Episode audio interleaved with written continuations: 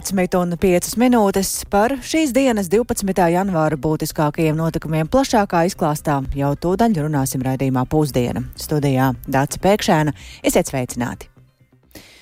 Un arī šodienas uzmanības centrā kāda būtiska augstas amatpersonas vizīte, jo Rīgu apmeklē Eiropas parlamenta priekšsēdētāja Roberta Metsola. Ar viesošanos Rīgā viņa sāka braucienu sēriju pa visām Eiropas Savienības dalību valstīm pirms jūnijā gaidāmajām Eiroparlamenta vēlēšanām. Viņas gaitām šodien seko līdzi kolēģis Rihards Plūme, kurš šobrīd atrodas ministru kabinetā, kur pirms brīža arī bija Metsola. Sveiks, Riharda! Pastāst vairāk lūdzu par Metsolas vizīti.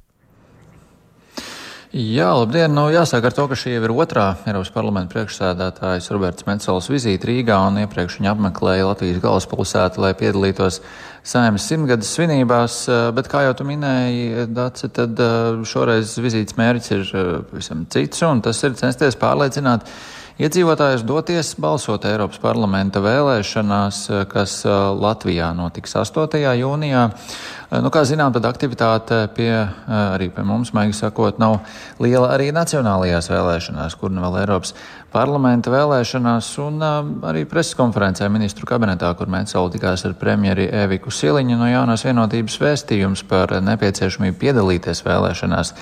Eh, tas bija galvenais. Un kā uzsvēra Metsola, tad Eiropas parlamenta vēlēšanas noteiks Eiropas Savienības kursu nākamos piecus gadus, tādēļ tās ir svarīgas un tiks ievēlēti cilvēki, kas noteiks kursu daudzās svarīgās jomās, un katra balss tādēļ ir būtiska, protams, arī šeit Latvijā, un latviešiem ir iespēja lemt par to, kādu vēlamies redzēt Eiropu. Tā skaidroja Metsola. Paklausīsimies. We have found unprecedented strength and unity with regards to the Russian invasion of Ukraine. Mēs esam atraduši bezprecedenta spēku un vienotību attiecībā uz Krievijas iebrukumu Ukrainā. Bezprecedenta apjoma sankcijas, kas attiecas uz visu valstu pieņemtajām pakotnēm pret Krieviju. Esam pārvarējuši ārkārtīgi sarežģītu pandēmiju, kas apdraudēja visu mūsu savienībā, un tas viss pateicoties Eiropas Savienībai. Ja skatāmies uz citām lietām, migrācija un skatāmies uz riskiem, kas var notikt jebkurā brīdī, kā redzējām iepriekš ar migrantu izmantošanu uz robežas ar Baltkrieviju un uz Krievijas un Somijas robežas. Tas viss ir kas tāds, kas jārisina Eiropas Savienības līmenī. Jā, nu, tikmēr Revika Siliņa norādīja, ka Metsolas vizīte Rīgā kā pirmā eh, vizīšu sērijā ir būtiska, jo tieši tagad Latvijā ir vēsturiski augstākais uzticības līmenis Eiropas Savienībai. Savukārt iedzīvotājiem būtu būtiski saprast, ka tie politiķi, kurus ievēl Eiropas eh, parlamentā, lemj arī par Latvijai būtiskiem jautājumiem. Paklausīsimies, ko teica premjera preses konferencē. Mūsu vēlētāji lem par Eiropas un Latvijas nākotni.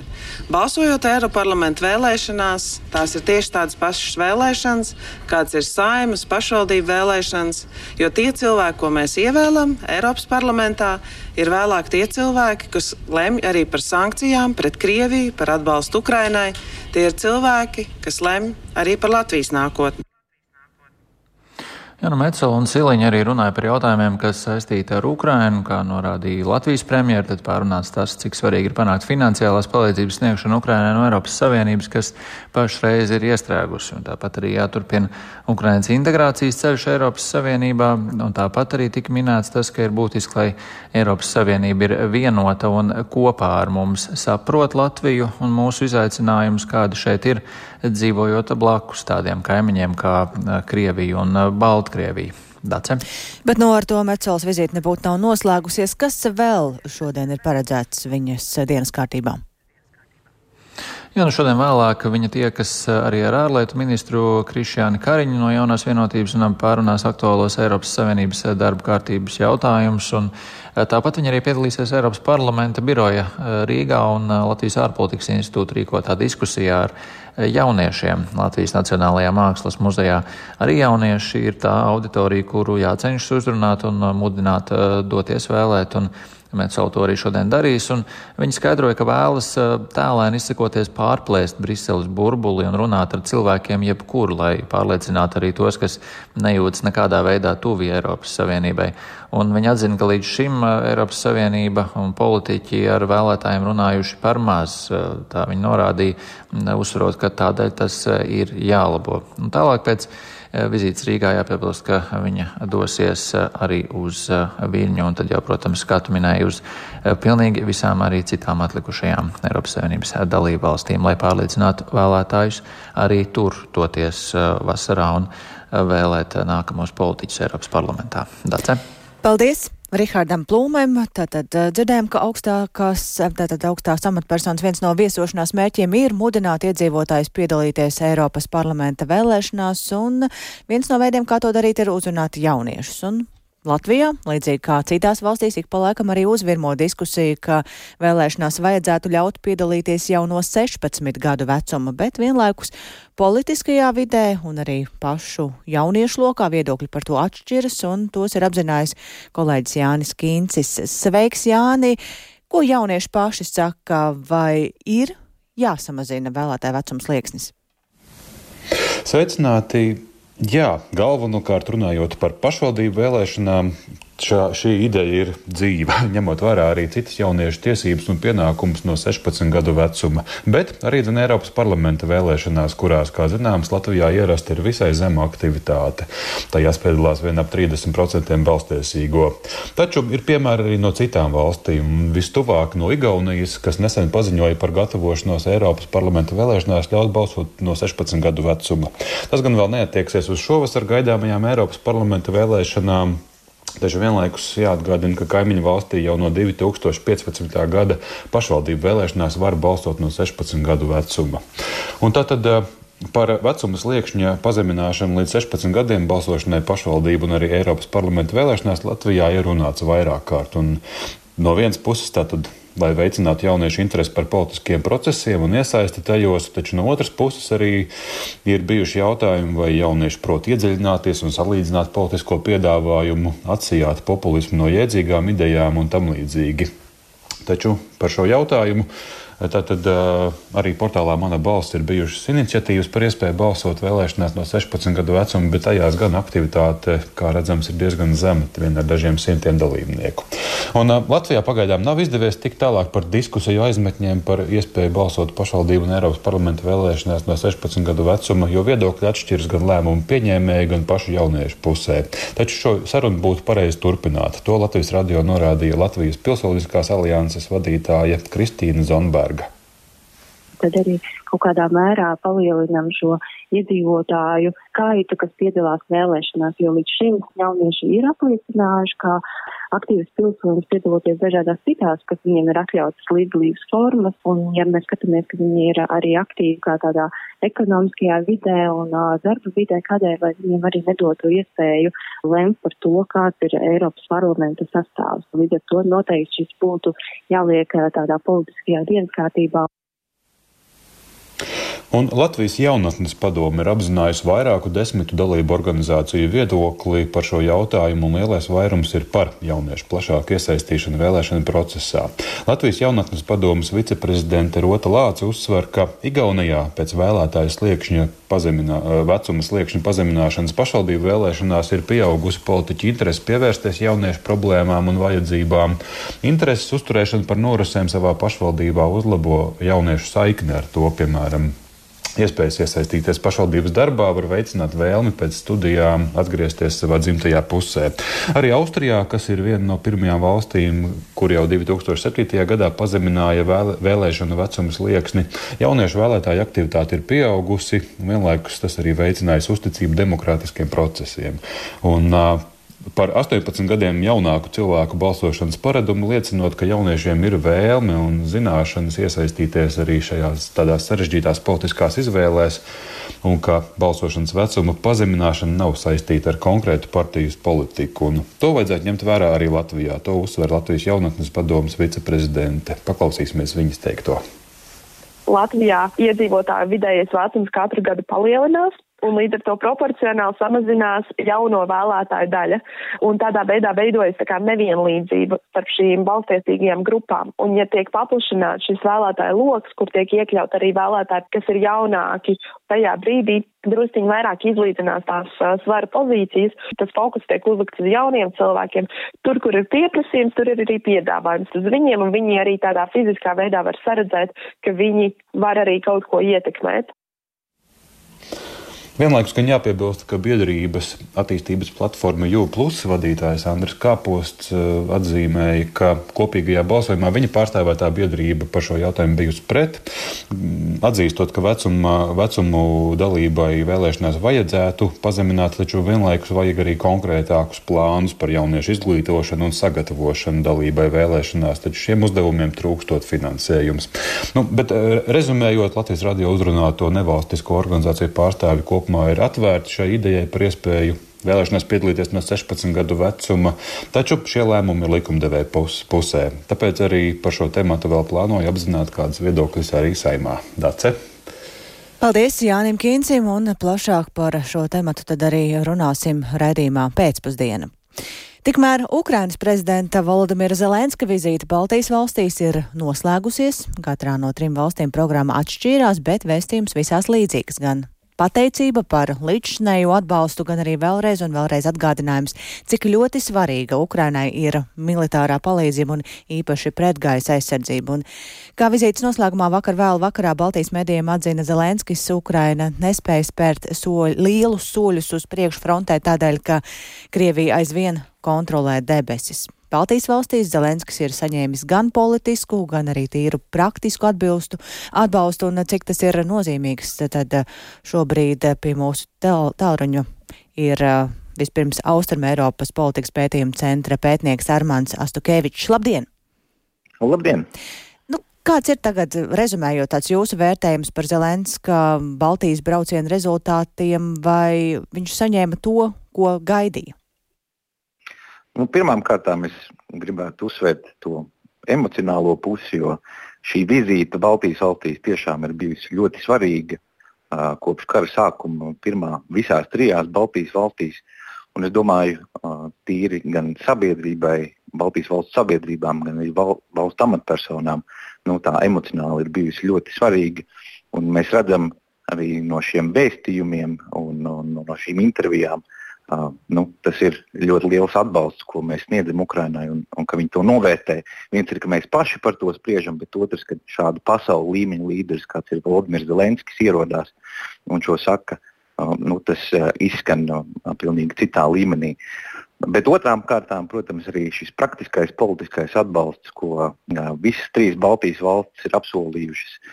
Tas, ka šī vizīte ir bijusi veselas divas pilnas dienas, tiekoties ar visām augstākajām amatpersonām, nu, tas ir priekš Baltijas valstu apmēriem ļoti liels pagodinājums. Un, un mēs dzirdējām ļoti konkrētas tēmas, gan jautājums par uh, Ukraiņas dalību Eiropas Savienībā, kur Latvija tā skaitā var sniegt nozīmīgu atbalstu, jo mums ir ļoti liela ekspertīze un mēs šim procesam esam gājuši cauri. Gan arī šīs militārās pakotnes, kur arī mūsu prezidents uzsvēra nu, pēc būtības spējas pa visu perimetru, un, un, un tas, protams, ir nozīmīgs. Jā, um, es tieši gribēju vaicāt to jūsu vērtējumu nu, no mūsu puses, raugoties, tikko jau pieminējāt, ka tas ir pagodinājums arī mums pašiem, cik mums šī viesošanās ir bijusi nozīmīga. Es domāju, tas, kas noteikti ir ļoti svarīgi, ka šādā līmenī uh, amatpersonām ir bija iespēja tikties, un, un kā jau minēju, uh, pēc būtības visos ar visām augstākajām amatpersonām un šos vēstījumus pārunāt. Jo šis gads noteikti būs, uh, kā jau Ukraina, kā arī prezidents minēja, uh, ļoti izaicinošs. Mums uh, ir jautājums par finansiālo atbalstu Eiropas Savienības līmenī. Mums vasarā ir gaidāms NATO samits Vašingtonā un daudz citi, kur arī mūsu nu, drošības interesēs ļoti cieši sasaistās ar Ukrajinu. Un, un, un šajā ziņā, ja mēs pašā gada sākumā šīs sarunas varam veikt un jau nospraust mm. kaut kādus mērķus un kopīgos vēstījumus, Tas noteikti ir svarīgi. Bet arī šajā praktiskajā līmenī arī prezidents, mūsu prezidents minēja šo dronu koalīciju un uh, sadarbību aizsardzības industrijas jomā. Es domāju, tur mēs daudz viens no otra varam mācīties. Un, un, mhm. un, un, jā. Paldies! Šobrīd saku Austrum Eiropas politikas pētījuma centra pētniekam Armandam Hastukevičam un esam sazvanījuši arī Latvijas transatlantiskās organizācijas ģenerālsekretāri Sigitu Strubergu. Labdien! Labdien! Kāds ir eh, jūsu vērtējums? Skaidrs, ka no Baltijas valstīm nelokāms atbalsts ir, bet tīri praktiski tas nav tas pats lielākais, un arī droši vien mūsu politiskā ietekme tomēr savā ziņā ir ierobežota. um, jā, pieskaroties šim praktiskajam vai šai praktiskajai dimensijai, es gribētu uzsvērt, ka noteikti no praktiskā viedokļa nu, ir pāragri vērtēt šīs vizītes rezultātus. Jo es domāju, ka, protams, ka svarīgs uh, ir šis uh, mi, militārais aspekts, kas tika apspriests, uh, militāra atbalsta aspekts. Mēs, uh, protams, arī redzējām paziņojumus par to, kā tas izpaudīsies uh, konkrēti piegāžu ziņā vai konkrēti sadarbības uh, ražošanas ziņā, bet tajā pašā laikā, uh, manuprāt, uh, nu, tas plašākais konteksts, ko mēs redzēsim ilgtermiņā, būs saistīts ar to, kā Baltijas valstis turpinās atbalstīt un cik veiksmīgi turpinās atbalstīt Ukrainu, mēģinot ietekmēt dienas kārtību gan Eiropas Savienībā, gan NATO. Un, manuprāt, šīs ir tas nozīmīgākais. Un šeit patiesībā ir viena no tām, manuprāt, arī problēmām, jo viens ir lielās Ukrainas gaidas, un otrs ir tie rezultāti faktiskie, ko rietumi piedāvā. Un mēs joprojām redzam šo milzīgo kavēšanos ar piegādēm dažādu apsvērumu dēļ. Tad tās ir diskusijas par budžetiem, tad ir diskusijas par to, kā, kādi ieroči, kādā. Uh, kā tiek piegādāti uz kādiem noteikumiem. Un te, te protams, attiecīgi tad, jā, Ukraina nesaņem visu to, ko sagaida un tādā tempā, kā sagaida. Tāpēc no vienas puses ir, protams, skaisti paziņojumi, svarīgi paziņojumi, bet no otras puses es baidos, ka, nu, ka tās. Uh, Ukraiņas gaidas uh, joprojām nav piepildīts. Un to mēs arī dzirdējām ne, uh, prezidenta uzrunā. Un otrs, uh, kas uh, varbūt uh, kas man darītu uzmanīgu, teiktu, ir tas, ka mm, arī mūsu gaidas par to, um, kā Ukraina um, veido savu dienas kārtību attiecībā uz iestāšanos Eiropas Savienībā, uh, varētu netikt piebildītas tādā mērā, jo Ukraina šobrīd vairāk koncentrējās uz karu nekā uz reformām, bet te pašā laikā Eiropas Savienība um, nu, tā ir ar specifiskām prasībām, mm -hmm. tā skaitā attiecībā uz iestāšanos, uh, iestāšanās procesu. Līdz ar to mm -hmm. uh, no vienas puses ir šis simbolisms, bet no otras puses es domāju, ka ir bijušas smagas, sarežģītas sarunas, ko mēs uh, aiz šī simboliskā uh, tik daudz neredzējām, jo tas varbūt neizskanēja tik daudz publiskās uzstāšanās laikā. Un arī tie, tie saruni, tie termiņi, no vienas puses, jā, tas ir ļoti daudz, kā teica iepriekšējais komentators, uh, šīs, šīs jā. divas dienas pavadītās, bet ja mēs izrēķinām to laiku uz katru amatpersonu, viņš ir bijis ļoti īss, un es nedomāju, ka tur uh, mm -hmm. nu, teiksim, visu varēja piepildīt. Paldies! Paldies Latvijas transatlantiskās organizācijas ģenerālsekretārai Sigitai Strubergai. Tāds lūk ekspertu vērtējums par Ukrainas prezidenta Zelenska vizīti Baltijas valstīs.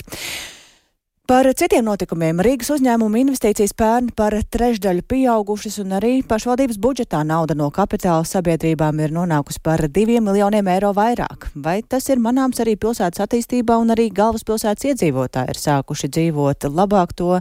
Vaicāju šobrīd kolēģim Viktoram Demīdovam jā, nu, pēc skaidriem izskatās, ka Rīgas uzņēmumi pērni ir strauji attīstījušies. To izjūt galvaspilsētas iedzīvotāji. Sveiks, Viktor! Jā, labdien! Nu, pērn Rīgas 12 kapitāla sabiedrībās, jeb uzņēmumos apgrozījās vairāk nekā 940 miljonu eiro, un tas ir par 40% vairāk nekā 22. gadā, taču peļņa provizoriski palikusi nemainīga, un Rīgas izpildu direktors skaidro, ka lielākais apgrozījuma pieaugums pērn bija Rīgas siltumam, lielo tarifu dēļ. Tarifi pieauga arī Rīgas ūdens klientiem un palielinājās arī dabas resursu nodoklis Getliņiem Eko.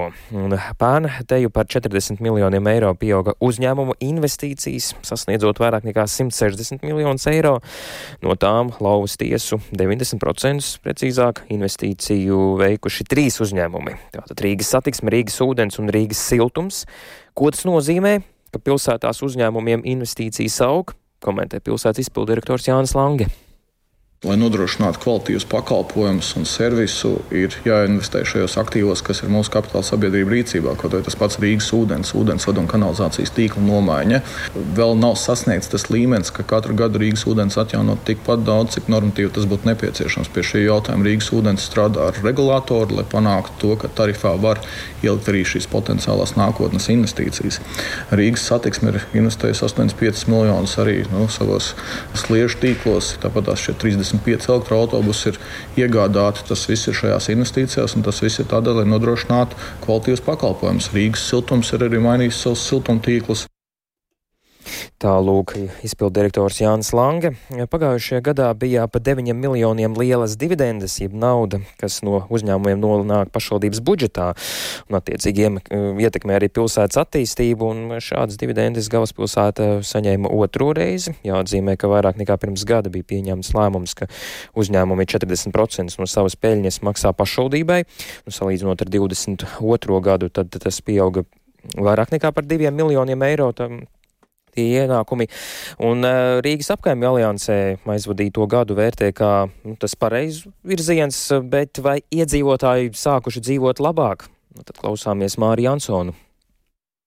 Tas, ka komunālā servisa uzņēmuma, kas pārsvarā ir Rīgas kapitāla sabiedrības, iekasē vairāk naudas no iedzīvotājiem, tas vēl nenozīmē, ka iedzīvotāji sākuši dzīvot labāk. Es gribētu redzēt, ka tā peļņa tiek novirzīta tieši no servisa uzlabošanai. Piemēram, labākais piemērs Rīgas nama pārvaldniekam ir peļņa. Tā pašā laikā Rīgā ir milzīga problēma ar māju renovācijas tempiem. Ja viņiem novirzītu peļņu tagad, lai aktīvi ar to strādātu, es domāju, ka tas būtu pēc tam kāds pārdesmit mājas mazāk. Būtu izceltas, būtu tādas neatgriezeniskās spirāles, kad viņi lēnām sabrūk. Tālūk Rīgas apkaimja alianses vadītājs Māris Jansons, bet tad kā pašvaldības darbu, pašvaldības uzņēmumu darbu vērtējas eksperti, par to tad plašāk stāstīšu raidījumā pēcpusdienā, tad jau arī jautāšu ekonomistam un, un, un, un kā, kā tas ir, ko tas nozīmē, ka šie skaitļi pieaug. Gaidīsim arī ekonomistu komentāru. Paldies Viktoram Demidovam. Un Nozīmīga diena šodien ir mūsu maistram Raimondam Paulam, jo viņš svin 88. dzimšanas dienu. Un īpašu sveicienu viņam ir sagatavojis arī Latvijas radio. Kolēģi no Latvijas radio 2 kopā ar populāriem mūziķiem un radio klausītājiem ir izveidojuši īpašu programmu Paula Ballīte, ar sirsnīgu sadziedāšanos, skanot gan vecajām, gan jaunajām Raimonda Paula dziesmām. Lai tam, lai slava tam, slava tam, lai slava tam, lai slava tam, lai slava tam, lai slava tam, tam mūsu Raimondam. Lai slava tam, lai slava tam,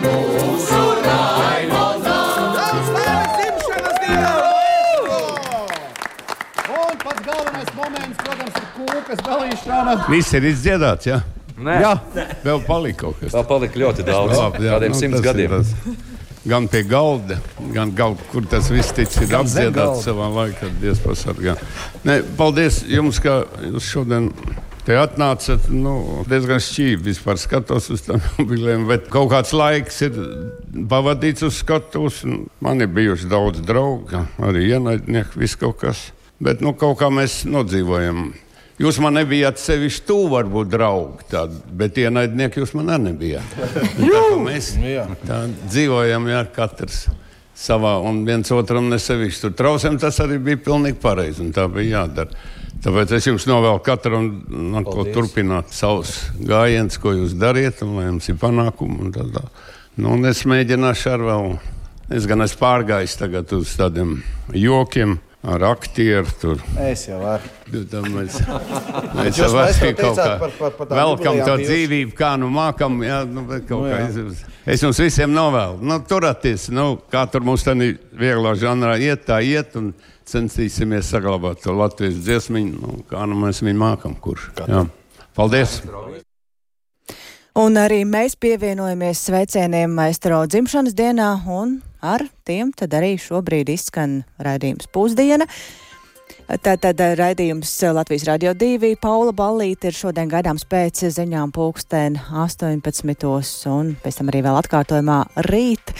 Bet šobrīd izskan raidījums pusdiena, to producēja Ilze Aginta, ierakstus montēja Renārs Šteimanis par labskaņu, rūpējās Katrīna Bramberga un ar jums sarunājās Dāca Pēkšēna. Atgādināšu arī to, ka Radījuma pusdiena, kā vienmēr, var klausīties arī jebkurā sevērtā laikā Latvijas radio mobilajā lietotnē, un tādā gadījumā ir jāsameklē dienas ziņas. Mēs ēterā tiekamies nedaudz vēlāk. Yeah.